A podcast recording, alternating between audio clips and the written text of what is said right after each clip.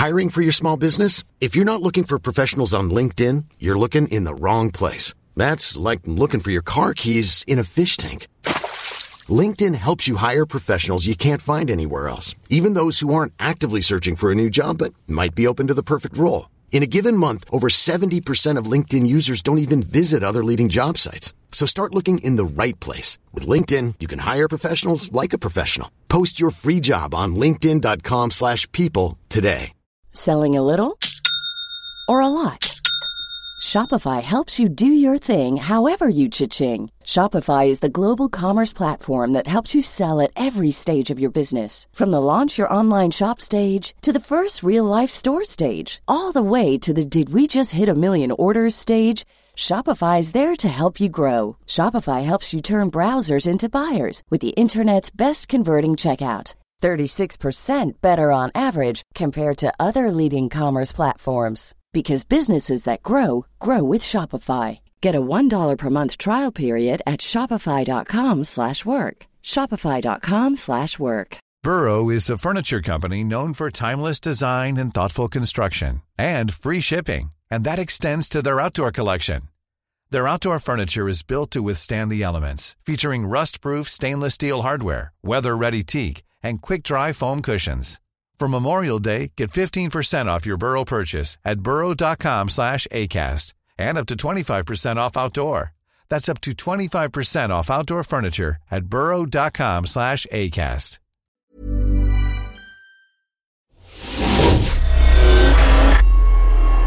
Offensiva, delaktiga, långsiktiga och med ett stort kundfokus. Självklart pratar jag om det naturliga valet när det gäller legotillverkning i tunnplåt. Gårö plåtprodukt i Gnosjö som är sponsor till dagens podd.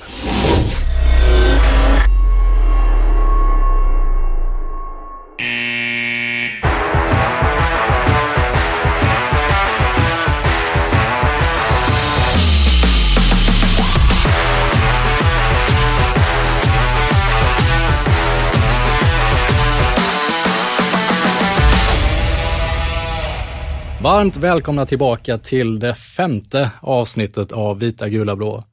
Jag är här med Jonas Ragnarsson. Vi har spelat tio omgångar, eller hur? Hur är läget med dig? Det stämmer. Jo, men jag stod ju här i förra avsnittet och hade en vision om att eh, övriga familjerna hemma inte skulle se om HV hade vunnit eller förlorat när jag kom hem efter matcher. Och eh, vi får slänga den visionen nu Karl faktiskt och eh, bara inse att eh, har man HV som passion så, ja, jag är HVs resultat, så får vi säga då. Vill du veta något roligt? Ja, berätta. Jag satt och pluggade i lördag samtidigt som matchen skedde där. Jag tänkte jag missar nog första perioden, jag har på en liten vid sidan om så. Så tänker jag gå upp till andra perioden. Men eh, det visade sig att jag skulle ha hållit mig kvar nere om man säger så. Men nu tycker jag vi tar och presenterar vår gäst här. Kör hårt. Ja, med oss har vi då ingen mindre än sportchef på HV71, Kent Nubben Norberg. Eh, tack så jättemycket för att du kom. Ja, tack för att jag fick komma. Hur lägger med dig? Ja, det är väl ungefär som Ragnarsson sa. Eh, det är klart att man eh, lever med det här och eh, det är klart att det hade varit otroligt skönt att ha fått tre, eller tagit tre poäng i lördag så eh, gått vidare från det. Men nu gjorde vi inte det och, men samtidigt så mitt jobb är att försöka se framåt ändå och ja, det varit ändå en bra träningsvecka tycker jag. Och hur tycker du stämningen i laget är? Säg. Ja, det tycker jag är jättebra. Det som har varit nu på slutet, träningarna har varit riktigt, riktigt bra och det var som sa i, fredags så tyckte vi nästan att det var säsongens bästa träning och gick ut och gjorde en riktigt bra match egentligen i 28 minuter. Eh, Idag tyckte vi träningen var ändå bättre och får hoppas det räcker 40 imorgon. Nej, skämt åsido, det är 60. så att eh, jag tycker att eh, stämningen i laget är bra. Det är bra driv hos killarna fortfarande, både tränare och spelare. Så att, eh, sen gäller det att få ihop det och där har vi en, en del att göra, framförallt på bortaplan. Så är det ju minst sagt. Eh, min, min liksom syn på det hela är att man åtminstone är väldigt kommunikativ. Eh, framförallt från Monténs sida. Jag tycker spelarna mellan sig pratar en del också. Eh, har du samma syn på det också? Ja, men det tycker jag. Jag tycker att vi är liksom, det som är, det är ju synd att vi inte har fått med oss de här resultaten. Det är ju några förluster som svider lite extra. Eh, hade vi fått dem så hade vi haft ett ganska lugnt läge. Men eh, jag tycker att stämningen mellan tränare och spelare, alla som jobbar där nere är riktigt, riktigt bra och jag hoppas nu att vi liksom kan vända det här och få med oss resultaten. Så tror jag det här kan bli riktigt bra faktiskt. Ja, lite eh, om vi återvänder nu så vi inte strör några salt i våra sår här, men lördagsmatchen där. bara rent allmänt de här, och som säger, de här dipparna som kommer. Vi har Färjestad hemma 0-5 i sista perioden. Vi har då Frölunda, de gör 6-0 på 31 minuter tror jag.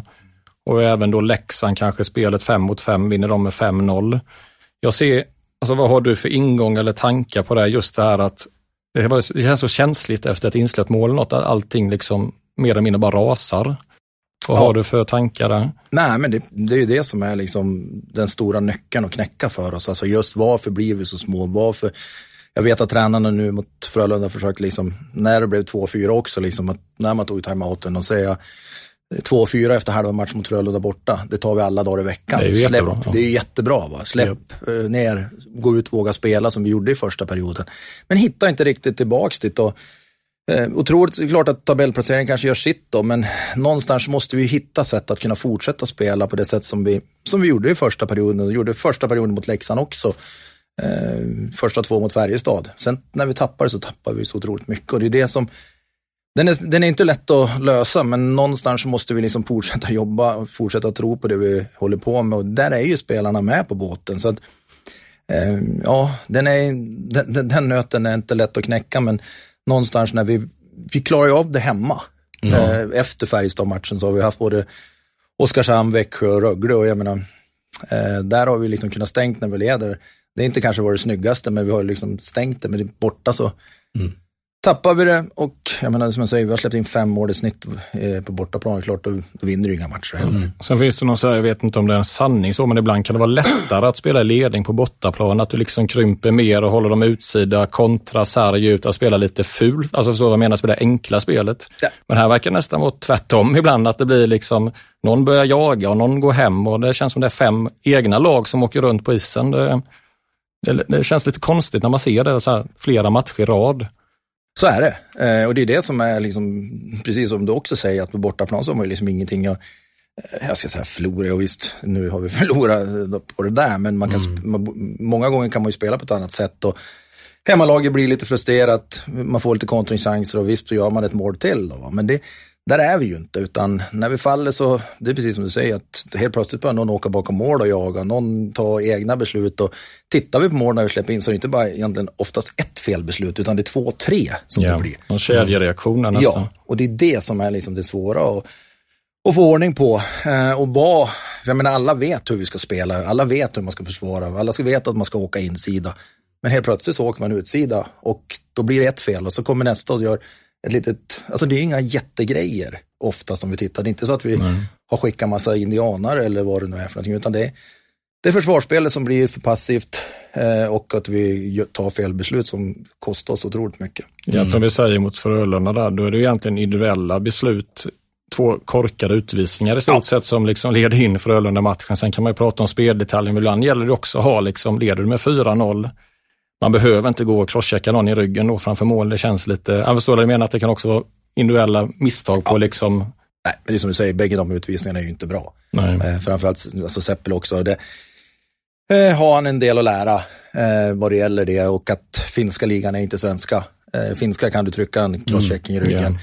Finland har inte åkt ut för det där. Men i Sverige gör det det och det gäller fan att anpassa. Det har vi varit på och väntat sedan dag ett egentligen. Men yeah. det är klart att du spelar tio år i finska ligan och du är van att ta den där ja då gör du det instinktivt. Och det är ja. ingenting som han gör för att sätta HV71 i skiten. Men Nej. Han, är, han är van att få göra det och han blir lika överraskad varje gång, men vi blir ju inte det. Sen hade vi spelat hemma kanske inte hade blivit någon utvisning. Så kan Nej, det men, men Frölunda borta så vet du att du måste spela med marginal också. Och det är så. lite som med samma med Tick, jag tänker alla de här matchstraffarna som skedde i början och sen kan man ju kanske diskutera några utom det, att de faktiskt blev matchstraff. Men mm. Det är ju lite sådana där saker som att man inte är riktigt van vid spelet som är kanske i SHL, just att reglerna och allt det här som gäller. Nej men så är det ju. Och Tickas, det har ju domarchefen sagt att bägge de matchstraffarna är fel, för det första då. Men för det andra så blir det ju också för honom, eh, som är tänkt att det är klart att de två matcherna, både Modo, det rann iväg och sen var det, vad heter det, Färjestad, mm. de vände. Det är klart att det sätter sig på honom också, vilken nivå kan han spela på. Vi har inte fått ut och han har blivit mycket mer passiv efter det här också. Mm. Och det är ju inte därför han är här. Så liksom, eh, han har en resa att göra vad det gäller det. Och, försöka hitta nivån och sen så givetvis är inte den, när man tar hit nya spelare, det är kanske en drömstart att han drar på sig två matchstraff och vi förlorar bägge matcherna, det ramlar in puckar när de har när de har klivit av. Nu fick han ju med sig en mot eh, Färjestad, men vi hade behövt han på isen. Han är, det är ju det är hans styrka att kunna spela hemmatcher också. Så att, ehm, de, de har en resa att göra. Sen ja, hoppas att de lär sig så fort som möjligt. Ja, jag tänker bara snabbt innan vi går vidare till nästa punkt kanske, men just bortaspelet. Jag antar att det varit möten nu i veckan i stora grupper, i små grupper, i medelstora grupper och även individuella samtal kanske. Men jag tänker att nu har ni tagit fram tre, fyra punkter eller något inför imorgon när det är för Örebro borta. Alltså vad är det? Ge mig någon nyckel där vad det är som liksom diskuteras. Nej men alltså, hela tiden det, det, det är när vi kommer borta, det är ju liksom ett, vi har en poäng när matchen startar, den ska vi vara jäkligt rädda om. Eh, jag tycker liksom, sen är det inte där riktigt problem. Jag tycker första perioderna både mot Leksand och, och Frölunda är riktigt bra. Mm. Sen är det någonting som händer mellan andra, eller första och andra mm. i bägge de matcherna. För Leksand också, de sköt två skott, vi sköt tolv i första. Sen att de gör mål på bägge, ja, det händer ibland. Mm. Men det är ju någonting där att starterna är ju inte bekymret. Grabbarna är påkopplade när man kommer dit och hela den biten. Men det är ju sen vi måste försöka liksom hitta en nivå som inte är liksom alldeles för låg som den har varit. Yeah. Och hitta disciplinen i det vi gör. Och det är en resa att göra, och den, men vi måste ju få ordning på det, för annars kommer vi inte ta några poäng borta, för det håller inte att släppa in fyra, fem mål varenda match. Nej, och jag tycker framförallt första perioden som du säger har kunnat vara väldigt, det är där jag tycker vi visar våra toppar. Om man bara kan hålla ut över, jag tänker Färjestadsmatchen där vi kom ut otroligt hungrigt och checkade fast dem, fick fast dem och vi skaffade oss en tvåmålsledning. Men just att kunna hålla i det där och känns väldigt svårt. Men på något sätt tycker jag ändå det visar lovande att bara man kan hitta den där nivån och hålla den över 60 mm. minuter då. Ja men så är det ju. Och, jag hade, och det är klart att jag är orolig. Jag ska inte stå här och säga så här, nej jag är inte ett dugg orolig. Det är klart att jag är när inte poängen ramlar in. Men samtidigt så har vi sett i år att vi, när vi taggar in och vi spelar på det sätt som är så håller vi klart bra SHL-nivå. Sen gäller det att få det här att funka över 60 minuter och även kunna ta poäng när vi inte spelar på topp. Jag tycker Rögle-matchen, det är ingen toppmatch utav oss. Första perioden är de bättre. Sen tar vi över andra och tredje och dirigerar in matchen på ett bra sätt. Det är de segrarna vi måste komma åt. Och det är samma sak nu det hade jag hoppats att vi hade klarat av mot Frölunda också. men nu gjorde vi inte det och det gäller att lära sig av då. Det är klart att vi har pratat, vi har haft, vilket man har, och det är ju fördelen då när man spelar lördag så blir det torsdag, vi har tid att prata. Och vi har pratat väldigt mycket med spelarna, de har fått tycka till och hela den biten om spel, träningar, coachning, allting liksom i grupper. Och sen har vi redovisat och sen har vi eh, försökt utvärdera och tagit till oss det som kanske vi ska förändra över tid och det är det som har varit bra. Så att det är liksom, det kan man ju säga, liksom, eh, för hade vi inte haft de där perioderna när vi spelar bra så man bara fundera, ja men kanske spel som inte, eller spelar vi fel eller vad vi gör. Men som sagt var, det fungerar riktigt bra emellanåt och sen när vi dyker, då dyker vi åt helskotta för lågt. Vad tänker du om det här spelet jämfört med förra året? För sig, då efter tio omgångar kanske vi inte hade någonting alls att prata om spelmässigt. Nu har vi ändå lite toppar sig i första perioderna. Hur skulle du kunna dra den jämförelsen? Nej, men det, jag tycker ändå att vi, vi, i fjol var vi utspelade rätt många matcher. Vi stod och försvarade oss och försvarade oss och försvarade oss. Där är vi ju inte nu, utan problemet blir ju nu att vi, när vi kom in i egen zon emellan och vi skapar ju betydligt mycket mer chanser framåt. Det gjorde vi även till typ, om vi tar andra perioden mot Leksand som är en urusel försvarsinsats så har vi ändå fyra, fem lägen där vi likväl kan göra mål. Eh, det är ju ett, en annan spets i det här laget på det sättet. Eh, så att jag tycker att, men sen är skillnaden mellan i år och fjol, det är att då var det väl mer jämn, man ska säga, mm, mm, mer jämnt i prestationen. Det var inte så jättehöga toppar, det var inte så mycket riktigt jäkla bottenappeller, utan det var ganska grått. I år är det ju tvärtom. Det gäller att vi eh, hitta en nivå där botten är betydligt högre än vad det är just nu. Sen såg jag det var, jag håller med om att spetsen finns i den här truppen såklart bättre än förra hösten om man säger innan förstärkningarna kom. Men sen så att jag kollade 10 poäng efter 10 matcher den här säsongen och det var 10 poäng efter 10 matcher även förra hösten och då där känner jag lite så här jobbigt att man trycker på positiva saker. Men någonstans hittar man sätt att förlora matcher och det är det där som jag kan bli bekymrad över att man kan trycka på detaljer, statistik, men sen tittar man tabellen ändå, alltså står lite vad det kommer att, eh, och det måste ju liksom vändas runt. Absolut. Jag menar, det är ju som du säger, man kan ju tycka att det ser bättre ut och vi spelar bättre på, men återigen så handlar det ju, som jag sa tidigare, just matchen mot Växjö och Rögle, kunna ta hem matchen när vi har ledning utan att för den skull spela kanske en bländande hockey och det är det som är svårigheten och det är det vi måste lära oss. Eh, annars spelar det ingen roll hur bra vi spelar när vi spelar riktigt bra om vi faller så djupt som vi gör. Och det är utmaningen för oss. Så att, eh, eh, vi är absolut inte nöjda eh, ha 10 poäng efter 10 matcher. Eh, så att, eh, eh jag hoppas efter 20 matcher att vi har 35 poäng. Nej, sen får vi ändå säga det, det är ju ändå fem hemmamatcher, två poäng i snitt då, vilket är bra. Och så är det ju då den där stora nollan på bortaplan. Så jag menar, det finns ju ändå saker i att förbättra som skulle kunna mm. ge poäng. Va? Så är det och egentligen, vi pratar ju mycket, alltså egentligen, det är ju en del orutiner i det här laget, får man ändå säga, just med att en del finska spelare som kommer, lite juniorer som kommer upp, att det kommer ju ändå på något sätt växa in i det mer. Om det står ju ändå i en negativ form som de kommer nu, men Ja, men det tror jag. Det, man ska komma ihåg att det är som du säger, det är få, det är egentligen bara Lyrenäs och Isak som har spelat i SHL förut, de nya spelarna. Det är klart att det eh, som spelar SHL på sista tiden och det är klart att det tar sin tid. Va? Samtidigt kan vi inte hålla på och gömma oss bakom det heller, för det är många andra som har mycket nya också. Vi måste lära oss, få dem att förstå och lära dem till på torsdag eller tills imorgon, att hur vi tar poängerna. För det är klart att varje match är otroligt viktig för oss. För jag tänker ändå, spel, det är hur vi ska agera i egen zon och anfallszon med utan puck. Det är åtta träningsmatcher, tio seriematcher, det är ändå uppe 18 matcher. Ja, ja. Så det, den grunden måste ju sitta ja. sen egentligen det, det ganska är långt, långt tillbaka. Det som är, och det är väl kanske då när man tittar på det, att eh, finländska typ centrar spelar på ett lite annorlunda sätt. De är mer låsta framför mål. Om man tittar på eh, samma sak med Borgström som har varit där borta. De spelar på ett annat sätt. Vi vill ju att första backen går ut, sen ska centern ut.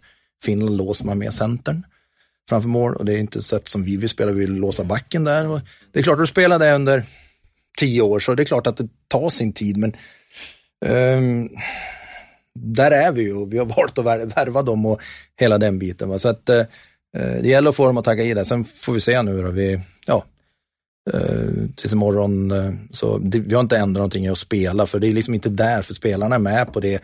De har jämna möten och sådana saker. Och, uh, det är klart att det finns saker att justera även där, små grejer, men i det stora hela så är det ett sätt som vi har kommit överens om att spela och där har ju även spelarna varit med. Gott. Ska vi ta egentligen första punkten som vi var inne på. Nu har vi skrivit truppläget. Mm. Eh, om vi säger Nick Shore, vad säger nubben då?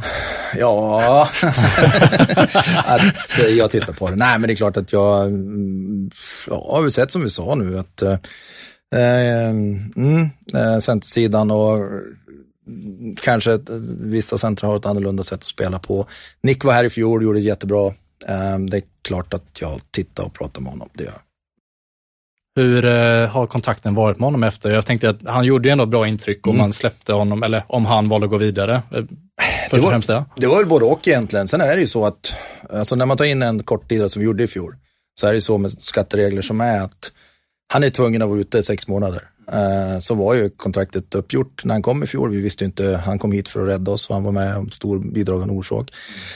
Mm. Vilket innebär att han måste vara borta sex månader från Sverige och innebär att egentligen kan han komma hit runt den 20 september. Då.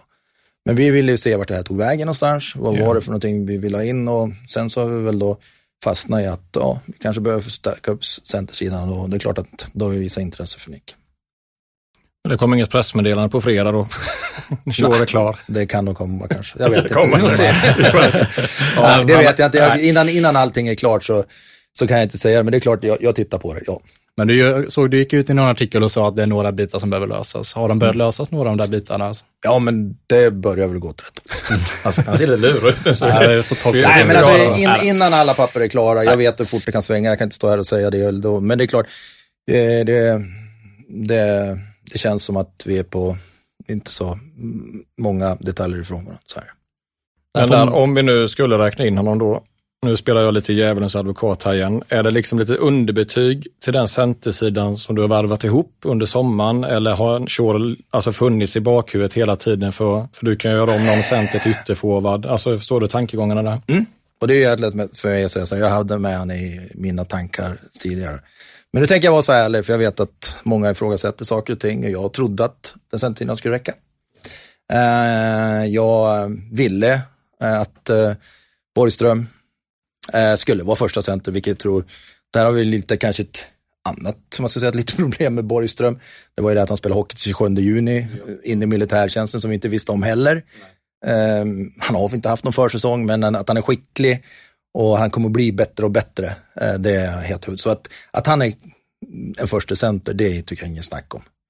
Nej, där, där, håller jag med. Jag tycker han, eh, sen kan det också vara en effekt av att spela med André Pettersson, men jag tycker Borgström har vissa uppsidor som jag inte har sett innan, just med skottet och så där tror jag att han kommer växa in i det. Så där tycker jag ändå att uttalad förstecenter. Jag skulle nog ge honom tre eller om inte fyra plus ändå de här första tio. definitivt. Han har ju ändå poängen, får ju in det. Det tycker jag absolut. Så går vi in på Nettenen, tycker jag har gjort en riktigt bra säsong. Det, eh, jag tycker han har växt. Sen hade han en riktig skitsäsong i fjol och fick lunginflammation två gånger. Alla som har fått det en gång vet att det tar en otroligt lång tid att komma tillbaks. Och så åkte han på en smäll till. Och sen när han äntligen kom tillbaks där i januari så då gick ju fingret på honom. Så att, att han skulle kunna ta, vara en tredje center, det trodde jag. Sen är det väl Ticka som, och jag ville kanske inte, eh, det är klart att vi tittade på olika alternativ. Eh, och så, men att framförallt också att vi skulle göra HV lite mer elakt, lite mer fysiskt och hela den biten. Och um, tyckte att Ticka skulle passa in där då. Och, ja, det har vi kanske inte med facit hand, inte för att, som jag säger, Ticka behöver tid.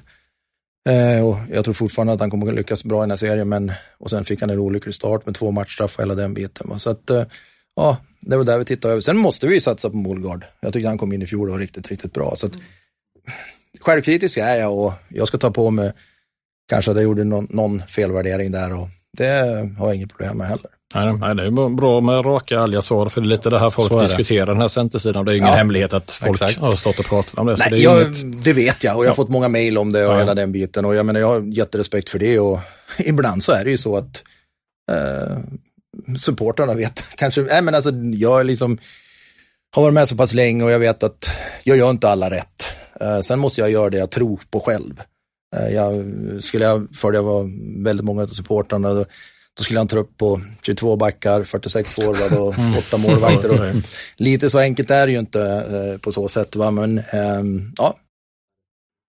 Om jag tänker så här då, eh, vi har ju Herman Hansson skadad fram till jul, eller hur? Ja. Och vi har ju tagit in Önerud för att kanske fylla hans mm. plats lite mer då. Mm. Säg att det skulle komma in någon, Shore, eller vad som mm. helst, är det någon som skulle kunna tänkas låna ut eller är det för att bre kunna bredda laget också dessutom? Eh, första läget är det nog för att bredda det, eller ja, om vi nu säger så, om vi nu lyckas få in Shore så är det ju för, oss, är det för att höja laget. Givetvis. Så är det ju. Så är det. Mm. Eh, sen är det ju så att det finns ju folk där inne som jag inte är nöjd med. Eh, det är väl liksom, eh, Eh, det måste man ju vara ärlig och säga. Eh, det finns spelare där som jag har förväntat mig mer av och det är klart att jag menar, dess tiden går och inte saker och ting händer som, jag menar, så kommer det ju närmare att man måste agera. Ehm, så är det ju. och Liksom, det är därför att det heter, eller Sveriges högsta liga och hela den biten. Det är ju ingen, det är ingen social verksamhet vi håller på med. och Det är samma sak för mig. Jag, menar, jag vet ju om de krav som jag har på mig och eh, jag måste ju se till att jag har något, även om det är en del supportrar som vill att jag ska avgå redan idag. Mm. Men så, så försöker jag göra det som Eh, är rätt, för jag vill ju fortsätta att jobba för HV som jag sa, för jag tycker det är en fantastiskt fin förening på alla sätt och vis och trivs jävligt bra. Så att, eh, och det är klart att jag måste, efter vad jag ser på isen och utefter allting, så måste jag ta beslut på det. Det är inte någonting att säga om att jag inte är nöjd med alla, så är det. Eh, det kom ett rykte i början av veckan som du sen sköt ner i Jönköpings-Posten, Honka, mm. backen där, var det bara en ett långskott från Expressen, eller hur? Ja, men det var det. Eh, vi, eh, om vi har problem med att få ner defensiven, så, eller få ner antal mål mot oss, så är inte han rätt. Så det är inte en offensiv back som ska in? Nej, det är det inte, utan jag väntar ju fortfarande på att Kaski ska komma in, för det gör mycket när han kommer in, för han kommer kunna ta powerplay-tid från Strålman. Vi kan använda Strålman ändå mer fem mot fem. Eh, det blir en helt annan balans på det, så att eh, jag hoppas Kaski någon gång till nästa vecka. Kan vad, vad har vi? Han börjar träna, ingen röd tröja nu på träningarna. Han kör... Nej, han kör ju innan och sen kör han de första fyra, fem övningarna. Ja. Han och det ska han göra den här veckan. Sen förhoppningsvis på måndag ska han gå för fullt. Ja, det är så? Okej, okay, då är han spelklar nästa vecka där då. Ja, jag skulle tro. Förhoppningsvis torsdag kanske, tisdag eller ja, i alla fall i närtid om nu allting går bra. Det är en jäkla skada det där. Det är samma som André hade, som Teden hade. Så liksom... Men var, han var i stort sett spelklar, Kaski, för ett par veckor sedan och ja. så gick det upp igen? Då, då gick det upp igen. På, när han var här och åkte själv då med Chris Beach då. Så att, eh, mm, jag hoppas att han, för det tror jag kommer betyda mycket. Det gör också att vi kan fördela ut tiden på backarna på ett annat Precis. Jag tänker äh, alla HV-supportrar över sociala medier reagerar på samma sätt, med att det kanske inte är just det här vi behöver. Jag menar, jag tänker vi har Nordella, Kaski som kommer tillbaka Nej, och Strålman tycker att man haft en mycket bättre offensiv utdelning än vad man kanske trott från början. Så att nej, det, var, känns inte som nej, det där. jag var inte ute efter honom alls. Jag vet inte vart det kommer ifrån. Men det är ju så, när vi ligger där vi ligger och man pratar med, ibland är det agenterna som lägger ut oss. Och jag vet inte vart det kommer ifrån för att jag inte varit intresserad på det. Nej, för att uh, det är inte vad vi behöver. Ja. Uh, Hugo Fransson i Nybro, vad är det där? Det är lån och ni kan kalla tillbaka honom. Mm. Alltså, vad är tanken där? Att han ska få känna lite på hetluften eller hur går? Ja, alltså Hugo har ju gjort det fantastiskt bra där. Eh, jag menar, vi, vi har ju jättebra kontakt. Oskar pratar med Hugo två, tre gånger i veckan vi, vi tittar ju på honom givetvis och han har gjort det jätte, jättebra. Nu var de väl otroligt oroliga att vi skulle plocka hem honom i måndags när Oskar ringde dem då.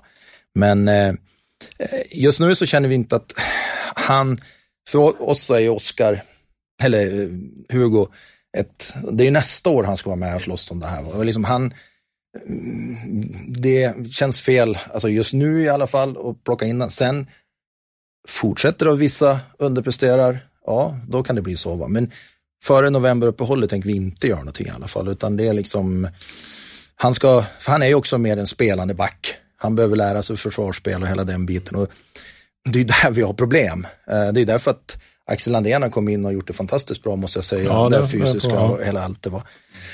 För det är där vi har problem. Eh, så att, ehm, nej, så Hugo kommer att vara kvar där, i alla fall till november. Vi har satt egentligen fram till jul, men eh, Eh, det är klart, en, en del, även samma sak vad det gäller på backsidan, måste ju börja röra på sig för att vi inte ska göra en förändring. Nej, men det är väl lite som du säger, att det är klart att han måste som bäst utvecklas i Nybro för mycket istid där och få ansvar i, ja det är topplag i mm. Allsvenskan. Så är det ju i Sverige. Men, ja, så är det. om jag frågar så här, är ni, skulle ni hellre kalla tillbaka Hugo än att, vad är ni närmare, kalla tillbaka Hugo eller ta in ett nytt, en ny back? Eh, kalla tillbaka Hugo egentligen. Mm. Det är Därför att eh, jag tror, när alla också räknar in Axel, för jag tycker att han har gått in och visat, och jag menar någonstans så sa vi det, och att vi ska inte vara rädda heller för att lyfta upp, och jag menar på det sätt som Axel har spelat hittills så är jag enormt nöjd med vad han gör. Och ehm, det kanske ja, finns andra som eh, jag är mindre nöjd med just nu i alla fall. Och, men liksom, vi letar ingenting aktivt på backsidan. Vi vill ha tillbaka Kaski. Vi vet att du kan fördela om istiden otroligt mycket då. Och är övertygad om att det blir bra. Just med tanke på utlåningar och skjuta ner Expressen-rykten eh, så kom det ut idag att Olle Strandell ryktas och lånas ut till Västerås. Västerås. Är det någonting du vill skjuta ner eller ja, har du någon det? Kan, det kan skjuta ner helt. Eh, de har inte ens frågat och det är inte aktuellt heller. Utan eh, inte i dagsläget finns det absolut ingen sanning i det. Om vi tar en helt, helt oberörande fråga, hur tror du sådana här rykten, upp, rykten uppstår? Och säg när de avslöjar värvningar, så här, var tror du det kommer ifrån sånt där? En ja, del. ja, eh, tittar man på värvningar idag så är mycket kräks ju via Twitter och man börjar följa olika lag. Så har man ju sett att det har ju blivit jäkligt populärt. Mm. Sen är det ju så att jag vet ju alltid nästan vilka, om jag ska värva spelare X och sen så säger ofta agenten, ja men han har två, tre klubbar, det är de och de och de. Ja, ja då vet man ju det. Och får jag då nej så, ja, då vet jag, då är det ju någon av de två i alla fall. Då. Ibland kanske du blir lite halvstött och så säger du vilket klubb du tror han ska till. Eh, eller hur det nu fungerar. Vissa är ju så också, vissa, och det ska man ha klart för sig. Vissa agenter, jag ska inte säga att de samarbetar, men de har väldigt nära till att släppa. För det är klart att det är bra för dem, de marknadsför. Ja, det är en stor konkurrens där ute. Så att idag hålla en värvning helt eh, tyst, den är inte lätt alltså. Nej. Den är i princip, skulle jag säga, omöjlig. Nej, det var som någon sa någon sanning där som vi inne lite på, att börjar någon följa någon närstående, börjar följa ett lag på Instagram, då kan ja, just det någonting på Ja, men så är det. Jag såg ju nu till exempel Timrå, när de tog den här backen från, oh, vad heter han då? Ja, skitsamma vad han heter, den sista de tog, liksom, det var väl tjejen som hade börjat det. Ja. Ja. ja, men så, ja, det är så det fungerar och de har jäkla koll på det. Eh, de jobbar på det sättet. Sen vet jag också att det finns vissa agenter som inte har några problem att säga, för det är liksom också bra för dem att marknadsföra sig själv. Mm. Ja, det blev ju hus i helvete i somras tror jag, för det var Fredrik Händemarks pappa som tror jag började följa HV på Twitter ja, och Instagram. Det var, det var Händemark klar dagen efter. Ja. ja. så det... Tyvärr var han inte det, för det är väl lite av en favoritspelare. Då räknar vi in honom till nästa år.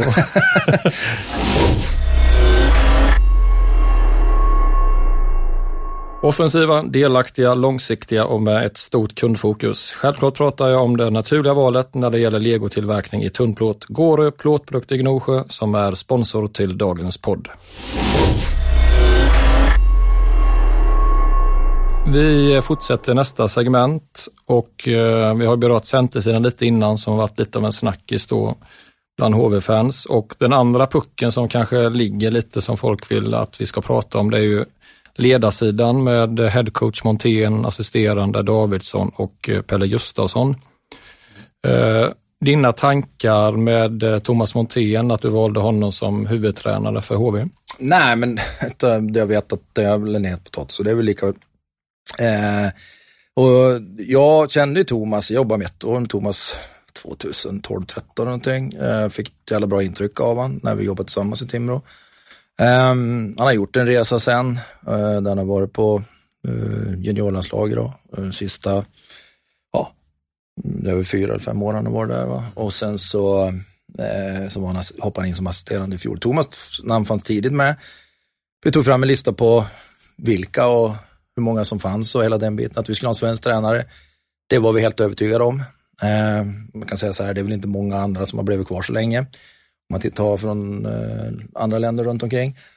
Och att vi också liksom i den process som vi jobbar med, att med det ledarskap som krävs idag, eh, gärna såg att någon som var med yngre ledarskap då. Eh, inte rädd heller att jobba med yngre spelare. Eh, och så och kunde, med det material som vi skulle värva och framförallt också kanske plocka upp, skulle vara eh, ha den inställningen att det skulle vi göra. Och då när vi kokade ner så kändes Thomas som det rätta namnet. Sen är det väl så också, liksom, jag menar, eh, jag vet att i fjol var det ett otroligt knällande på Tommy. Eh, ja, han gör, går rätt bra för han är nybra i år. Eh, det är otroligt svårt att, eh, man ska säga, eh, när man i, i den här rollen också liksom veta vem och vad som kommer att passa hela den biten. Men jag var övertygad om att Thomas skulle kunna göra det tillsammans då i och med att vi dels hade jobbat, vi hade ganska bra samma synsätt på saker och ting. Och, eh, jag är fortfarande övertygad om att Thomas eh, är rätt man och jag hoppas verkligen att han får visa det. Jag vet att spelarna eh, gillar Thomas på det sätt som vi både träning och matcher eh, matchar och så. Så att eh, det är liksom för mig så, ja, det var det namn som jag valde att gå på. Eh, det står jag, för, står jag för alla dagar i veckan och även om det, vi har fått en tuff start så hoppas jag att eh, Thomas får visa vilken bra tränare han är och där, där är vi just nu. Nej, det är intressant för vi hade ju några inför-avsnitt här innan då jag hade en liten take på att oavsett om HV ska förlora de 15 första matcherna så ska man inte kicka en tränare igen. Mm. För det är bara att räkna listan och det var Tommy förra året, det har varit Andreas Johansson, det har varit Niklas Ram, det har varit Ulf Dahlén. Jag tror att sista tio tränarna... Johan Lindbom. Johan Lindbom, Johan Lindbom ja. också, ja. Så är det en av de tio tror jag som har suttit kontraktet ut mm. och det är ju över tid. Och mm. då blir jag, och då är det det här, nu kommer nog knäckfrågan som inte har med ledarsidan att göra. Jag hävdar ju och tror att det är något större liksom som gör att det inte finns något tålamod, en ängslighet, en rädsla. Och när det gäller Montén, jag sa också att jag var lite inte skeptisk, men kanske lite frågande. För att det kändes redan när han presenterade som att det blev lite ett minus runt honom, att folk nästan ifrågasatte honom innan första matchen. Mm. Och då blir det nästan att det blir för mycket skit för fort kan jag uppleva lite. Att det, liksom, det ska redan skrika som folks avgång och sådär. Att man kanske skulle hittat något mer, kalla det större namn eller mer rutinerad. Mm. Alltså förstå lite vad jag är på väg. Jag förstår exakt vad du menar. För jag, känner väl samma vad det gäller Thomas, men samtidigt så är ju det här också ett litet problem med hockeyn. Om, du, om man sätter sig ner i lugn och ro så tittar vi, vad har vi fått fram för tränare? Vad, det är inte så att, uh, jag brukar säga att en SHL-tränare som väl har kommit in i SHL, han har ofta tre, fyra klubbar. Det kommer upp väldigt, väldigt, väldigt få nya tränare upp till SHL. Alltså det är, man går runt, man kör sina grejer, sen har man gjort en fyra, fem klubbar och sen så är man där. Där är ju fotbollen mycket, mycket bättre. Eh, eh vad det gäller Thomas så vet jag också att det var väldigt många som var kritiska. Dels att han hade varit i Linköping och dels att han inte hade tagit något guld med, med vad heter det? Juniorkronorna. Juniorkronorna. Mm. Och jag menar, det, det, det kan jag, jag har förståelse för det. Men samtidigt så är det ju så också att jag menar, eh, jag tror ju att med rätt och backa Thomas på rätt sätt så är jag helt övertygad om att han kommer att bli en riktigt, riktigt bra tränare och det liksom står jag fast vid alla dagar i veckan. Och, eh, sen tycker jag det är tråkigt att vissa redan innan de har fått chansen, för det är klart att den miljön, han är inte, jag ska inte säga, han är inte heller opåverkbar och hela den biten. Och, eh, det är klart att det sätter sig på honom och jag ska inte säga att han sitter och läser, jag vet inte vad han läser eller inte. Nej.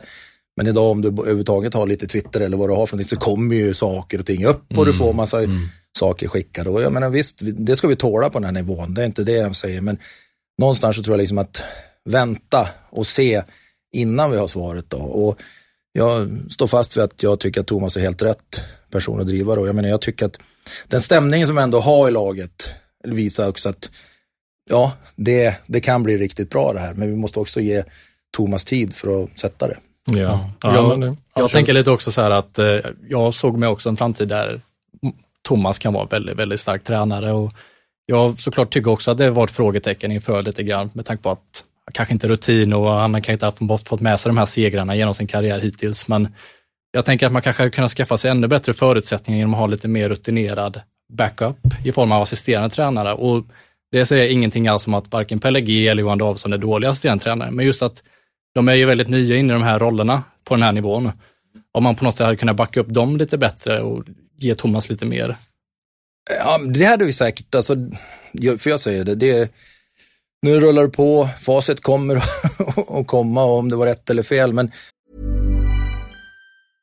I'm Sandra and I'm just the professional your small business was looking for. But you didn't hire me because you didn't use LinkedIn jobs. LinkedIn has professionals you can't find anywhere else, including those who aren't actively looking for a new job but might be open to the perfect role, like me.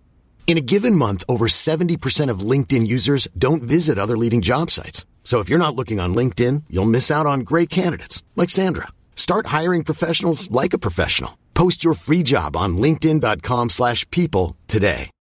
Millions of people have lost weight with personalized plans from Noom, like Evan, who can't stand salads and still lost 50 pounds. Salads generally for most people are the easy button, right? For me, that wasn't an option. I never really was a salad guy. That's just not who I am. But Noom worked for me. Get your personalized plan today at noom.com. Real noom user compensated to provide their story. In four weeks, the typical noom user can expect to lose one to two pounds per week. Individual results may vary. Uh, det kan säga, Pelle kom in under uh, var det? Ja, januari, fjol, januari kom in och ja. gjorde jävligt bra intryck på mig. Vi fick ordning på försvarsspelet på ett jävla bra sätt. Nu är det ju Pelle som han jobbar med samma i år och han kommer att få ordning på det. Just nu sitter vi inte riktigt där tillsammans med Thomas. Då. Eh, Pelle kom in och gjorde ett jävla, han, man ska komma ihåg ändå, han har varit åtta år i Dalen. Tittar man många som är eh, assisterande någon annanstans har väldigt mycket mindre rutin än vad Pelle har. Eh, för det är så också att det är klart att vi tittade på olika, men det är också så att man, några vill ju bara vara huvudtränare. De har det som sitt kall, även de som jobbar Hockeyallsvenskan. Och, eh, då blir det ju också ett, ett urval som är lite mindre. Va? Och man kan ta um, diskussionen kring Thomas också, just här att man kan säga att Roger Rönnberg hade ungefär samma resa. Eh, ja, han har varit där i Frölunda i nio år. Roger Rönnberg var ganska ifrågasatt. Han tog något junior-VM-guld, tror jag. Ja, men det är också, precis, men det är också skillnad. Vad har du för lag nu? Thomas var väl någon final, tror jag, eller om, eller om det var en semifinal. Jo, men jag tror han var i final en gång. Ja, precis. Ja. Så att meritmässigt så är det inte så stor skillnad. Rönnberg var väldigt ifrågasatt när han var i Luleå och gjorde sin resa junior-VM, kom till Frölunda och lyckades jäkligt bra. Och jag säger inte att, för där kan Thomas fortfarande hamna med HV71, vilket jag hoppas. Sen när vi ska klä in det så var det, Pelle för mig var ett givet val. Eh, det var liksom att han skulle få fortsätta med tanke på att han kom in, han jobbade åtta år i Dalen, Eh, fantastisk föreningsmänniska och gjorde backs, eller försvarsspel riktigt bra. Sen var det ju tredje pusselbiten och den, det är klart att vi hade x antal namn som vi bollade med. Och eh, så, men i den rollen som vi ville ha så var det en mer med lite forward, powerplay, eh, hela den biten. Och jag vet inte om vi har haft så många bättre powerplay-spelaren Johan Davidsson och därför så föll det på det. Och då är därför också när vi tog in Johan, vi komponerade, tog in Chris Beach och skulle jobba väldigt mycket med enskilt med spelare, köra och mycket vad heter skillsträning. Och eh, en hel del, han är också med, alla isträningar vi har, har gjort det jäkligt bra. Så liksom, jag tycker att alla komp komponenter finns där. Eh, jag menar, sen är det ju, om, man, om, återigen, om man tittar på många lag i, i vad heter det, SHL. Det är inte många rutinerade assisterande tränare. Nej, egentligen inte. Nej, för tittar man på Eh, du kan ta, jag kan ta vilket lag som helst. Skellefteå egentligen, Niklas Falk. Ja, han gick direkt härifrån, du gör något år, ja. Per Jonsson hade varit något år, titta Timrå, Lasse Marklund inte höll Han var junioransvarig i Skellefteå, Molinder kommer direkt från, vad heter det, spelare. Eh, jag kan göra listan hur lång som helst. Så liksom, jag tror inte att det är det, utan det är liksom, det jag känner med dem någonstans och därför känner jag mig trygg i det. Det är det ändå det drivet de har varje dag. Det måste jag säga. Och tillsammans med Gistet så tror jag över tid. Men sen är det ju, de är ju nya. Jag menar, efter två månader så känner du inte till hur man ska jobba, alltså personen och hela den biten. Samma sak där, jag tror liksom, där kan det nog vara, det är nog lättare att sätta ett lag än att sätta kanske liksom just det här eh, hur och få ut maxet och träna. Trojkan är alla fem kan vi säga som är där, är nya. Så att där har vi resa att göra, men eh, alltså de, jag unnar, jag är så gammal så att eh, jag har väl inte så jäkla många år kvar på det här och vissa kanske tycker fan vad skönt att jag är borta härifrån snart. Men, eh, ja, men jag hoppas verkligen att de, de tillsammans, för de, faktiskt samarbetet och den, eh, hur de umgås och respekten för varandra och hela den biten är, måste jag säga, fantastiskt bra. Så liksom, ingen skulle vara gladare för, för, än jag, för, framförallt för deras skull. För de har många fler år än vad jag har kvar i den här branschen. Hur är fördelningen just äh, mellan assisterande huvudtränare? Har Pelle det boxplay och försvarsspelet eller? Och Davidsson PP? Man kan säga så här att Thomas är den som driver träningarna tillsammans mycket med Chris Beach och Pelle. De har en dialog kring det. Eh, Thomas har ju ansvar för hela trupp, alltså uttagning av lag och hela den biten. Men givetvis så under matcher så är det Pelle som coachar backarna, tar de beslut som krävs där. Eh, Thomas coachar forwards. P Johan powerplay och också ska vara liksom killen som eh, pratar med spelarna eh, under match, lägga mer energi på det eh, och sådana saker. Chris eh, sköter egentligen all träning extra med spelarna, hela den biten. Har vi några skadade spelare, Eh, eller som ska stanna kvar och spela lite så är det Chris som sköter den. Eh, de har solklar rollfördelning eh, ja, och Pelle har också boxplay. Då.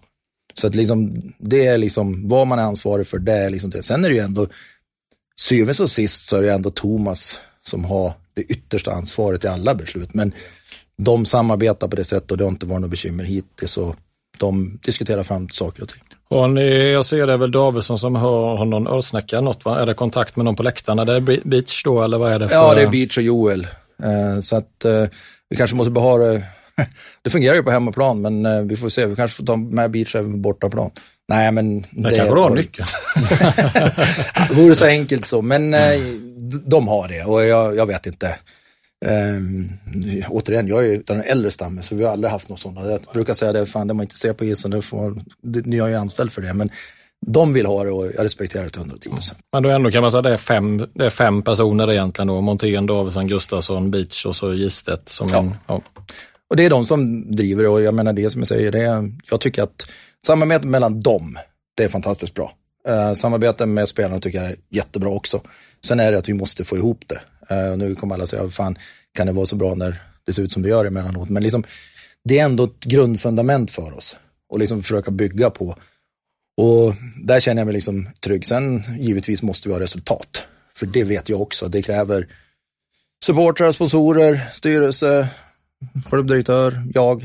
Eh, jag menar, vi har ju, det, ju, det finns ju en hierarki i det här också. Så att det är liksom, det är ingenting att, jag ska inte säga hymla om, för det har jag fått så många gånger, för jag säger det jävligt ofta. Jag, jag vet det, Nej. men det är ingenting som jag tänker säga, för jag, varje gång jag ställer mig nu så tänker jag att jag ska inte säga det. Nej, för jag, jag kan bjuda på det till Frejd, att han får köra en grej, men sen har jag försökt verkligen ta bort det.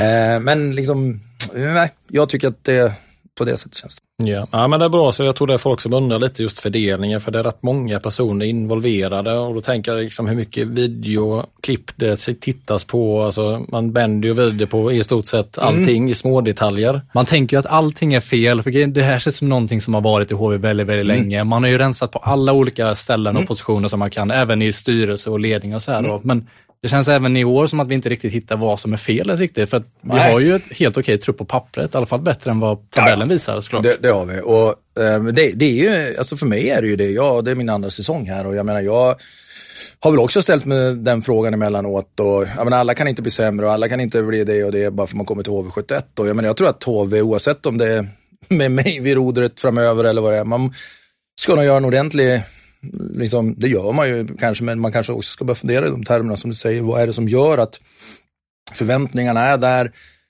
vi levererar det och liksom det är den här att tränare får gå hela tiden och folk runt omkring. Jag tror liksom, eh, ibland kan det vara bättre att behålla, för det är inte så ofta det blir så här, nu hade vi en lyckträff i fjol eh, när man byter tränare, men det är inte så ofta det blir den utdelningen. Så att någonstans så kanske, men samtidigt så HV vill vara topplag, supportrarna vill vara det, alla vill att det ska vara topplag och det är klart att det, när man inte då når de resultaten så börjar det säkert att skaka här tidigare i HV än vad det gör i Ja, definitivt än i Timrå, det kan jag säga. Ja, jag, jag, tänker det måste ju vara en väldigt svår avvägning just det där med tanke på att, säg, idealt sett vill man ju ha kvar en tränare länge och ge långt förtroende. Säg Tommy Samuelsson, hade jag ju känt mig väldigt trygg med att gå in i ett kval med, just med lugnet, pondusen han har. Men just den avvägningen att veta, okej, okay, det kanske är dags att byta nu jämfört med att man ger förtroendet under längre tid. Mm. Samtidigt då med pressen som kommer från stad och sport och allting. Absolut, och det är, en, det, är en, det, är en, det är ingen lätt avvägning. Och det jag menar, det är liksom, Tommy har ju över tid och år visat att han är en jättebra, duktig hockeytränare. Sen kanske här och nu så kör man fast. Jag menar, det är samma sak liksom vem har inte kört fast på ett jobb och vem är inte rätt plats på det stället. Och sen ska man komma ihåg att vara hockeytränare eller sportchef, det är liksom inte som eh, något annat jobb. Så är det ju inte. Jag menar, vi eh, synas ju två till tre gånger i veckan. Eh, och det är inte så att det är absolut inte synd om oss, det är inte det jag menar, men det blir många saker. Det är inte så att man kanske om man var på ett jobb, vanligt jobb, jag har också haft några vanliga jobb och jag menar där har vi problem. Ja visst, det är vi som jobbar som vet om dem. Vi kan lugn och ro sitta och prata om dem. Vi behöver inte känna någon press utifrån. Håller du på med det här så är det liksom, jag vet inte hur många i Jönköping som, men jag tror säkert 30 000 har synpunkter på hur HV är. Oavsett vad det är. Och det är klart att jag menar, eh, det vill ju till att man orkar slå ifrån det. Så att du orkar vara tillräckligt stark och inte ta in alla synpunkter som finns. Va? För att det, det är liksom, det är många som har synpunkter på det och det är klart att eh, när det går tungt så blir det ändå fler. Jag tänker lite efter den här starten nu. Kan du se i gruppen eller i truppen att det finns en ängslighet, att det är lite svårt att leda ett lag som spelare när man själv kanske underpresterar. Förstår jag menar? Att man gömmer sig lite, att det inte är någon som går, förutom André Pettersson, får vi säga, mm. som leder på isen i alla fall. Mm. Alltså förstår lite vad jag menar, att vem vågar ta i det här nu när det är lite jobbigt? Det är rätt lätt att gömma sig. Alltså vad hör mm. du på träningarna? Vad hör du i gruppen i omklädningsrummet efter matcher? Vem är det som delar ut en befogad hårtork eller är det lite försiktigt? Nej, men där är ju Anton också. Det måste jag säga. Ja. Jag tycker att Anton eh, tillsammans med några, men Anton är ju kanske den som vågar göra det, vågar stå upp för det och jag, menar, jag är jätteglad att Anton kom hit. Eh, han har både på isen och utanför isen visat Eh, det, han är otroligt viktig för oss. Eh, sen är det väl så att eh, i frustration, eh, jag menar det är klart att man blir besviken. Jag var jävligt otroligt besviken efter Luleå-matchen till exempel. Eh, jag menar på det sättet och jag menar återigen så är det ju inte kanske, det är inte för min skull utan det är det spelarna liksom som man känner när de inte är i hundra, det är ju framförallt det är ju supportrar, sponsorer och hela den biten och de som jobbar på kansliet. För de som är minst synd om egentligen, det är ju spelarna. Eh, för men de kommer alltid hitta nya jobb. Mm. Alltså oavsett vad som händer. När HV åkte ur förra gången så, ja, alla ja, hade hela, hela truppen in i stort sett. Ja, du får ja, några ja, stycken. Några får jag kvar. Det är inget unikt. Men i, men i övrigt så, de åker till nya ställen och hela den biten. Och det är det vi måste liksom jobba ut efter. Men supporterna står ju kvar och jag förstår att de blir mer frustrerade än kanske med spelarna är ibland. Va? Eh, för att, jag menar, för dem är det ju lite business. Va? Sen är det ju en del som vill bo kvar och hela den biten. Och, eh, de kan ju Känna det, ja, att det blir extra tungt då. Och ibland så är det en nackdel också. Därför att man känner liksom eh, så jäkla mycket för klubben och så jävla mycket och det spänner sig ut av den anledningen. Så det är liksom, det är svårt. Men jag, Anton, jag tycker Ortio, en jävligt bra ledare. Eh, Simon, tycker jag liksom, han har ju otroliga band med HV71 och eh, det är inte kanske, Simon har jag tycker ändå, utifrån de förväntningar jag hade på honom, så kanske Simon liksom, Eh, jag ska inte säga överraskat, men jag tycker han har höll en, en bra nivå. Men sen är han ju jäkligt viktig för oss runt omkring har det visats också. Alldeles nu när det har gått lite tungt. Då. Så att, eh, det är framförallt de tillsammans med Andreas som är de liksom killarna som eh, tar tag i det när det är lite tungt. Då. För det är ju inte så att eh, vi kan ju hålla på hur länge som helst och vilken tränare som helst. Har vi inte spelarna med oss så kommer ju aldrig det här vända. Jag tänker att du lever ganska tätt in på laget. Så här. Har en sportchef, har man en eller två riktiga hårtorkar i sig per säsong eller har man det legacyt att man kan ha det en gång och uh, köra bara för att väcka laget eller visa att det är folk som bryr sig eller ska de hållas utanför det? Förstår du lite vad Nej, alltså när jag började här så då hade jag väl säkert fyra, fem hårtorkar per säsong. Men jag har väl blivit annorlunda. Jag har faktiskt, det, i fjol hade jag inte någon. Eh, jag hade faktiskt en i Luleå. Jag vet inte om det, jag tror inte att det blir så jävla mycket bättre äh, egentligen. Men, då, men det är ju, då är det ju mer de här sakerna som är liksom just att det, man ska, det, är inte, det är inte synd om oss som jobbar med det. Nej, men vad, vad, är, vad är det du säger i omklädningsrummet då? Jag antar att ledarstaben står utanför då eller? Så att, ja, eh, om man säger men vad, vad, säger man? Nej, men just det, att den här alltså mot det märke man spelar för. Jag menar, det står på tavlan, vi ska täcka skott, vi ska göra det och det, vi ska vara ett lag, vi ska, ni har gått igenom, ni har ställt upp på det. Eh, det är inget, allting som man har pratat om, det var ju nästan ingenting som gjordes uppe i Luleå. Eh, Men andra perioden, då var det knappt division alltså. Och, och liksom, det är klart att man blir jävligt frustrerad över att saker och ting som man har kommit överens om tillsammans med tränare och hela den biten och eh, så vad heter det, går man ifrån. Och det är klart att när man inte heller ser, då ställer jag mig också med och tittar liksom att, och det var ganska likgiltigt var känslan där uppe då. Vilket det inte har varit sen. Men där var det det. Och liksom, man tycker lite synd om sig själv och hela den biten. Men vad fan, som jag sa, man kommer ihåg, vi har ju världens bästa jobb. Vi har betalt. Vi har, I många fall har vi jävligt betalt, bra betalt.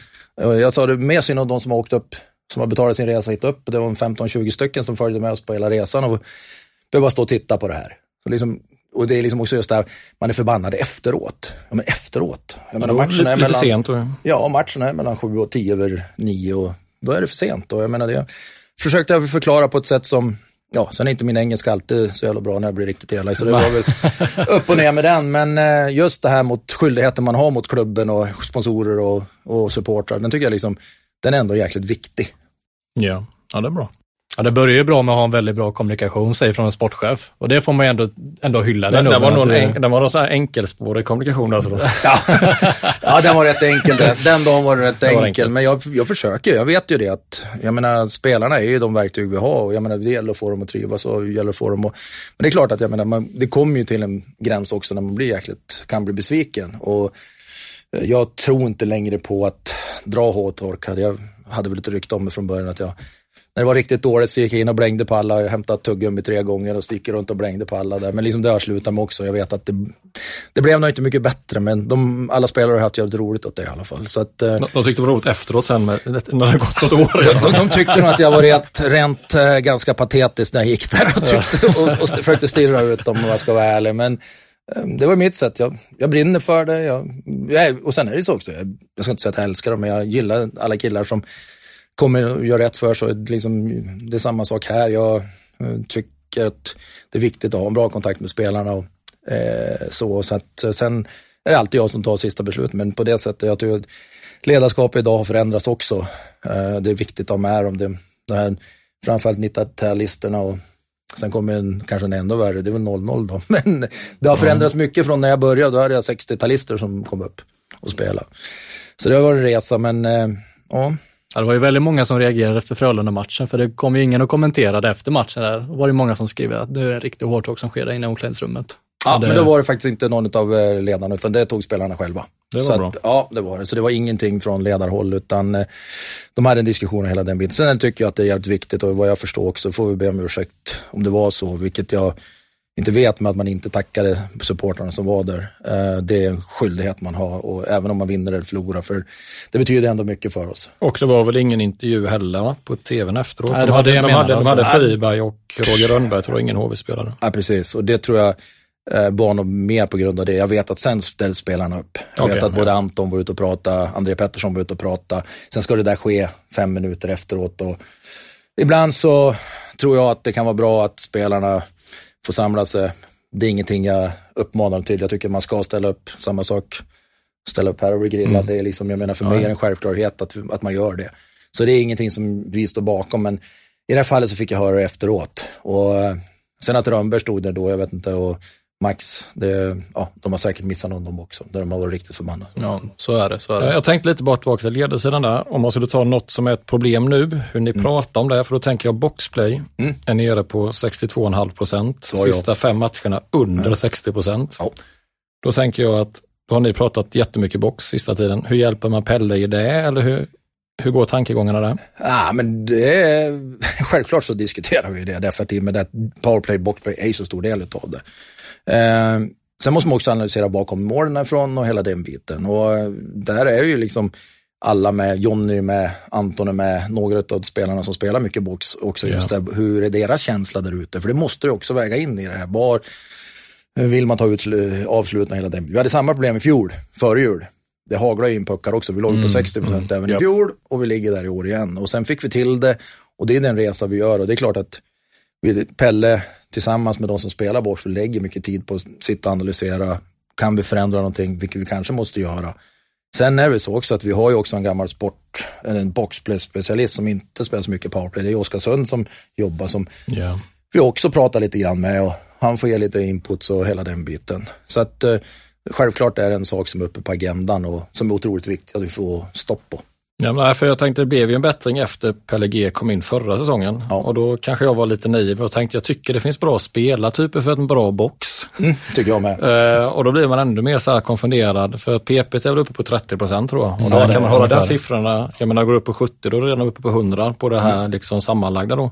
Och efter det är det bara plus. Ja.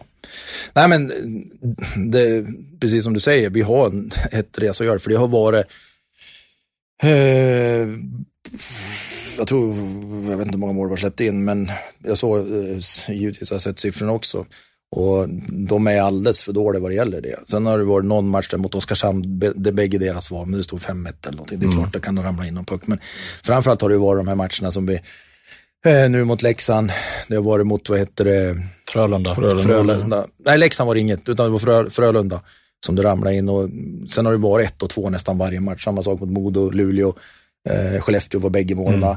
Liksom, det har kostat oss för mycket, så det är ju liksom jätteviktigt att få stopp på den blödningen. Sen tycker jag vissa matcher ser det riktigt bra ut, som hemma sist mot eh, Rögle. Rögle, mm, ja, precis. då var det bra, men sen måste vi hitta det. Eh, och det det är samma sak där som allting annat. Det gäller att hitta det snarast möjligt och jag, jag kan säga så här, det, jag vet, det jobbas ju otroligt mycket på det, svar ja. Mm. Sen då, ibland kanske det blir att man jobbar för mycket. Så Över- nästan över, överanalysera det hela tiden. Ja, och då blir det ju också passivt. Alltså det mer man pratar om saker, det har ju en tendens att bli, eh, att det kan, kan bli passivt. Och, eh, så det gäller att hitta en balans där. Men vad är lite balansen också? För jag upplever vissa lag kör ju otroligt hård, alltså de går ut på spelarna hela tiden i box. Mm. Medan jag upplever att HV blir, de blir så små, så små, så små, så är det bara en liten tändsticksask kvar. Och så kommer det lite skott, skott från blå som ramlar in. Det är den upplevelsen jag har. Men sätter du en tight liten box så borde man kunna täcka skotten. Var- Nej, och det, som vi tittar nu på Frölunda så är det ju definitivt så. Sen hade vi också, även om Brattström tog, så fick de slänga in returen fast för att vi har en liten box. Eh, vi vill ju spela mer aggressivt, framförallt innan man har full kontroll och hela Ja. den biten. Sen är det ju vissa som är bättre än eh, Osborg. Luleå är jäkligt bra på det. Eh, sen är det också olika sätt att spela. Vi har ju valt att tillsammans då att till exempel Ortio, var vill han ha skotten ifrån? Ja, det är från ett ställe och Ja. då gäller det att försöka styra det dit då. Men det har vi inte alltid lyckats med. Har målvakten rätt mycket att säga till om i eh, boxplay eller? Alltså med att ställa upp det för han vill veta vad... Ja, Ja. Ortio, det var väl det vi gjorde i fjol också när Pelle och de kom in, att Ja. Ortio blev en del utav det. För det är klart att jag menar, det är ändå han som, spela 1-0 mot den som är kvar. Vi säger de Mm. andra, alltså det blir ju så att det är alltid någon som är ledig i deras lag. Ja, precis. Och då är det liksom, vad vill han helst ha avsluten? Och då ska vi ju försöka spela så att avsluten kommer därifrån. Men tittar vi på målen som vi har släppt in nu så är det ju, eh, det har inte varit många överspel vi släpper in på. Nej. Utan det har varit några instick och så har det varit, vad heter det, eh, skott från blå. Ja. Och där, ja, det är väl kanske inte alla gånger därifrån vi vill ha avsluten. Så det gäller att vi vrider över så att vi får dem. Så Nej, för vi pratade om det i ett annat avsnitt att vissa verkar bara tro att det är bara att ta in fyra gubbar i box. För mig är det ganska boxspel, alltså skicklighetsspel också, att ligga rätt, läsa passningarna. För lite i NHL har det gått mot det att även de mest offensiva spelarna används mycket i box. För att de är så Precis. duktiga på att läsa spelet och ligga rätt och vara ett steg före. Uh, där lite, så jag sa det, börjar vara in med André Pettersson i box med och så får han...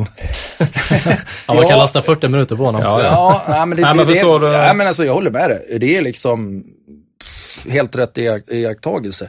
Skillnaden borta i NHL är också det, där de tre powerbreak. Ja, du hinner vila mycket mer emellan. Du får vila mycket, Ja. mycket mer. Mm. Grejen är ju den att vi vill ju att Andreas ska, om det är powerplay, att han helst ska spela eh, hela den biten. Han ska komma ut Mm. direkt efteråt. Det är ju liksom den kedjan som man hoppas på. Men eh, Andreas skulle klara av att spela bo- boxplay hur lätt som helst. Mm. Men grejen är bara den att då blir det ju kanske, om vi skulle addera, jag vill att Andreas ska ligga på 20 minuter, 20-21 minuter. Mm. Lägger vi till boxplay så han är på 23-24. Ska han, sen kan det ju vara så också med ett boxplay-byte, kan suga, suga jäkligt mycket. För du bestämmer ju inte själv när du, ofta när du kan åka byta. Nej. Och de bytena kan ibland bli ganska långa. Och Vilket gör också att eh, vi har valt den biten. Jag tror att nu mot, imorgon kommer vi nog matcha några fler i boxplay eh, än vad vi gjort tidigare också. Se om vi kan hitta nyckeln där då.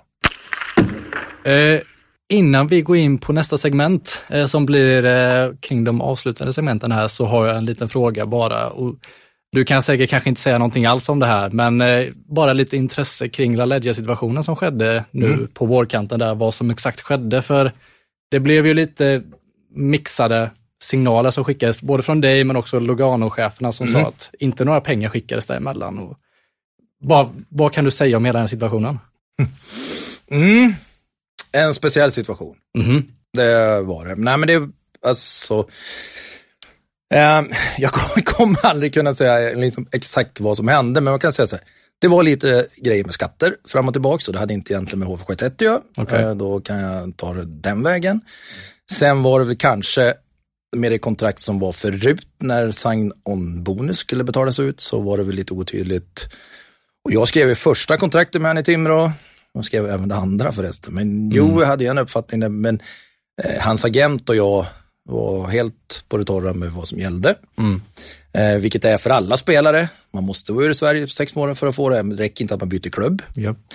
Eh, om man ska dra det stora hela så var det väldigt mycket kring skatter och utbetalningar, vilket gjorde att han egentligen inte kunde spela i Sverige. Eh, då kände jag att, jag känner Joey, har stor respekt för honom, jag plockar ju öppen till Timber och sen ner hit, att det där kommer vi inte att lösa, utan att vi måste gå skilda vägar. Jag förklarade den biten lite enkelt, men sen, ja det fanns många delar i det som gjorde att det gick egentligen inte att lösa det på det sätt som, att Joey skulle ha varit nöjd, att HV71 eller den före detta klubben också skulle ha varit nöjd. Och, eh, när vi drog ihop alla de sakerna så var det det bästa beslutet för alla. Och sen då så att Lugano ville ta över allting och hela den biten, ja, då blev det så. Så att eh, det är helt rätt, Lugano betalade inte en krona. Vi fick lösa det på det sätt som, som var. Så att, eh, mm, då, jag kan inte gå in på exakt Nej, vad det var, men det var väldigt stora, bra svar tycker jag. stora hela så var det på grund av mycket av den skattesituationen. Hur, hur går det för honom, du som har koll på alla och allt? Ja, bra fråga. Jag har inte kollat på den, men han har ju inte lastat upp en himla massa poäng hittills i alla fall. Men Eller har du sen är koll det en den? omställning också. Nej, jag kollade lite grann från början eh, på det. Sen har jag haft full fokus på det här egentligen. Jag, eh, så att jag har inte, jag såg att han spelar ju powerplay och hela den biten. Och han har varit första, andra och tredje femman där nere. Så jag vet inte exakt hur det har gått för han har inte eh, kollat han så. Men eh, Joey kom in och gjorde det jätte, jättebra för oss i fjol. Men liksom, eh, och det kan jag säga, han och jag har en jättebra relation. Vi har fortfarande, nu har vi inte pratat på länge, men vi liksom, så det är ju inga hard feelings heller, utan men det, det, det blev en ohållbar situation. Så att vi var tvungna att ta, vi var tvungna att ta det beslutet. Yes, jag tänker att vi ska ta en liten kort stund om scouting, tänker jag. För jag kollar runt lite eh, med hur Färjestad jobbar lite där. Jag vet att de har en anställd scout som heter Patrik Hansen, bördig mm. från Jönköping, Visingsö faktiskt. Yep. Hur, vad har ni? Har ni någon fast anställd scout eller hur fungerar hela den verksamheten? Nej, det har vi inte just nu i alla fall. Eh, men vi har tittat på det, vi har träffat någon och får se vart det tar vägen. Um, sen är det väl så att uh, jag tror att det kommer väl att vara, man, vad jag förstod också, när man åkte ur så drog man ner på saker och ting i HV, vilket är fullt fördelaktigt. Det är en helt annan ekonomi. Och, eh, vi, över tid så ska vi ta in någon som kommer att göra det, det är jag helt övertygad om. Mm. Eh, gäller att hitta rätt människa bara. Eh, ja. Vi har träffat en, eh, så vi får se vad det tar vägen någonstans då. Eh, det är en viktig del i det. Sen är jag försöker titta så mycket jag kan, eh, men Oskar också, men det är liksom Eh, Eh, ibland så räcker inte tiden till och ska man värva någonting. Sen har jag en i Stockholm som jag pratar med mycket som är och tittar på AIK, eh, Djurgården, Södertälje som jag har som lite bollplank också givetvis när vi tittar på spelare. Men eh, den kan absolut förbättras den biten. Och sen är det ju framförallt också liksom vad plocka till hockeygymnasiet och eh, juniorer i övrigt också. Så att eh, där har vi en sak som vi håller på att titta på och se, se om vi förhoppningsvis kan lösa det. Ja, för jag tycker det, där blir jag lite, så här, lite anmärkningsvärt. Nu kanske ni, nu har jag förstått att ni har andra kanaler ni kan söka också.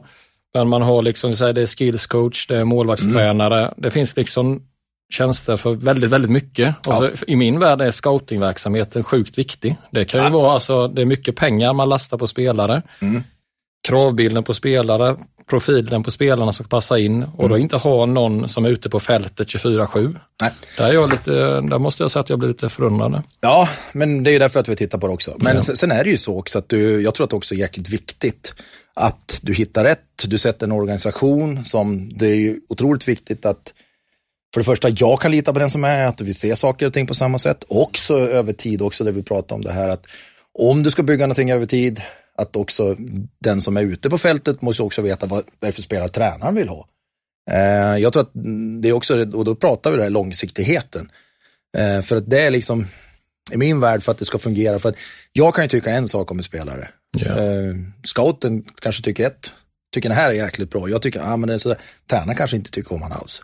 Utan det måste man ju också synka ihop så man vet vad man pratar om och hela den biten. Och där tror jag, som du säger Färjestad, nu har de byggt vidare, jag vet inte, Mitell har skrivit massa år. Ja, han skrev på något nytt för länge. Ja, och hela den biten. Och de är ju på väg in i det där och liksom Rickard tillsammans med Mitell och han som då jobbar som scouter, liksom, att man har samsyn på vad är det vi behöver, vad är det vi ska titta efter, vilken, sen är det ju också det, vilken, vad får den här kosta? Vart ska vi leta? Ja. Ska vi leta i, i Klåten eller ska vi leta i Södertälje? Alltså just det här att, eller Hockeyallsvenskan, vad är det för typ av spelare vi behöver och ut efter det. Då. Så att, Eh, vi tittar på det och, så, och sen har jag ju givetvis folk som jag bollar saker och ting med. Och jag vet väl, jag menar om jag tittar på min trupp nästa år så vet jag väl ungefär vad jag behöver yeah. redan nu. Eh, och det är, eh, försöker man titta på. Sen blir det ju så också, nu jag egentligen skulle ha varit uppe och titta nu på Hockeyallsvenskan, men i och med att läget har varit som det har varit så blev det att jag stannade kvar för jag tyckte att det var viktigare att stötta de som yeah. är där nere. Men mm. eh, ja, jag ska åka iväg imorgon och titta, jag ska inte åka till Örebro imorgon och ska åka och titta på något annat. Och sen... Nej, för jag vet innan var väl Lars-Erik Lundström, gamla huvudtränare för HV, var ju mot, vet jag i alla fall, allsvenskan eh, och var renodlad och jobbade i Sverige. Förstod. Det var väl lite där man hittade en sån som Borgman då. Mm. Så därför tänkte jag att det är klart man har det. Om man hade det för 10-15 år sedan, då känns det kanske inte det man skulle dra ner på. Det var inte ditt bord då. Nej, men... det var inte eh, mitt bord och det var inte Lindboms heller, för det, jag tror de var borta innan nästan. Va? Ja, det kan det, det kan vara så. För det, så, så, var det när de kom. Va? Sen är det ju det som vi sa, vi eh, pratade om att nu här i somras att eh, vi hade, och därför har vi också, som jag sa, träffat en för att återuppta det. Och det ja. gäller ju att också just det här att få helheten. Det är inte bara HTA-laget, för det kanske vi är till nästa år så är det fem, sex platser som ska sättas. Eh, det är också liksom bra juniorer och även inte hockeygymnasier. Det, är samma sak. det gäller ju definitivt att träffa rätt där så man har ungefär samma synsätt också. Men du Nubben, jag tänker så här att eh, klockan har sprungit iväg här. Eh, en sista, bara ett inspel. Det är sju matcher kvar till novemberuppehållet. Mm. Ge mig tre punkter eller två som måste bli bättre eller ska bli bättre och hur många poäng HV ska ta på de här sju matcherna. Ja, vi har ju snuddat vid dem. Boxplay är ju en. Mm. Eh, sen är det ju, alltså, ja, man ska säga spelet i egen zon. Nej, försvarsspelet. Det börjar ofta med forwards. Vi skyller ganska mycket på backar och hela den biten. Men eh, tittar vi på målen vi släpper in så är det ju inte bara backarnas fel. Eh, försvarsspel och boxplay, det är ju liksom nummer ett. Eller ett och två. Det är de bitarna som är. Powerplay är tillräckligt bra. Eh, jag tycker anfallsspelet, vi skapar tillräckligt mycket chanser för att vinna varenda match. Men det är liksom försvarsspel och boxplay som måste bli klart mycket bättre. Och vi har sju matcher och jag hoppas på 15 poäng. Vi har fyra bortamatcher. Det gäller att vi liksom kommer över den tröskeln och börjar vinna eh, borta också. Eh, vi har ja, vi har Örebro, och så har vi dubbelmöte Malmö, ja, Timrå, Oskarshamn, Skellefteå och Modo. Det har man själv. Det är otroligt viktiga matcher för oss och otroligt viktig tid för, för oss där nere. Och gärna en vändning redan imorgon då. Eller torsdag när det här släpps imorgon antar jag, så att det blir ju kväll. Torsdag, ja. ja, det hoppas jag på. Jag hoppas att vi, jag menar som jag sa, sa jag tränarna eh, i fredags tyckte de var säsongens bästa träning och vi gjorde 30 bra minuter. Och idag tyckte de var ändå bättre. Det var liksom riktigt bra tryck och stämning och fart hela den så Förhoppningsvis så gör vi 60 minuter riktigt bra imorgon och tar med oss det och får till det här till en riktigt skön vändning. Så ja, det hoppas att alla HV-supportrar får vara med om. Mm. Känslan är ju att så fort vi kommer upp i de här 60 minuterna, och med liksom, då håller ju sig det här försvarsspelet helt klart. Så att, ja, men det gör det. Ja. Vi måste bara lära oss att spela. Alltså, jag, säger, jag tycker inte att varken Växjö eller Rögle är någon sån här wow, wow, wow, wow, wow, wow, men det blir ändå stabilt och vi spelar hemmatcherna. Och det är det vi måste göra på bortaplan, för att vi har kapaciteten att spela mot alla lag. Det, det har vi sett. Ja, trevligt.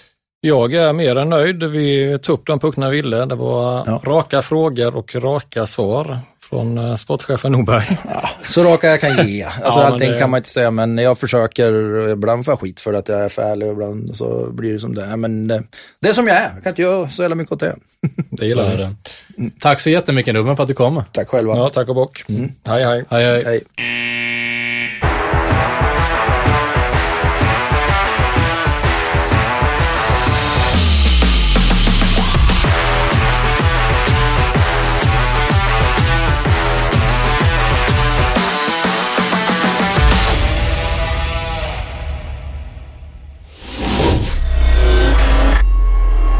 Offensiva, delaktiga, långsiktiga och med ett stort kundfokus. Självklart pratar jag om det naturliga valet när det gäller legotillverkning i tunnplåt. Gårö Plåtprodukter i Gnosjö som är sponsor till dagens podd.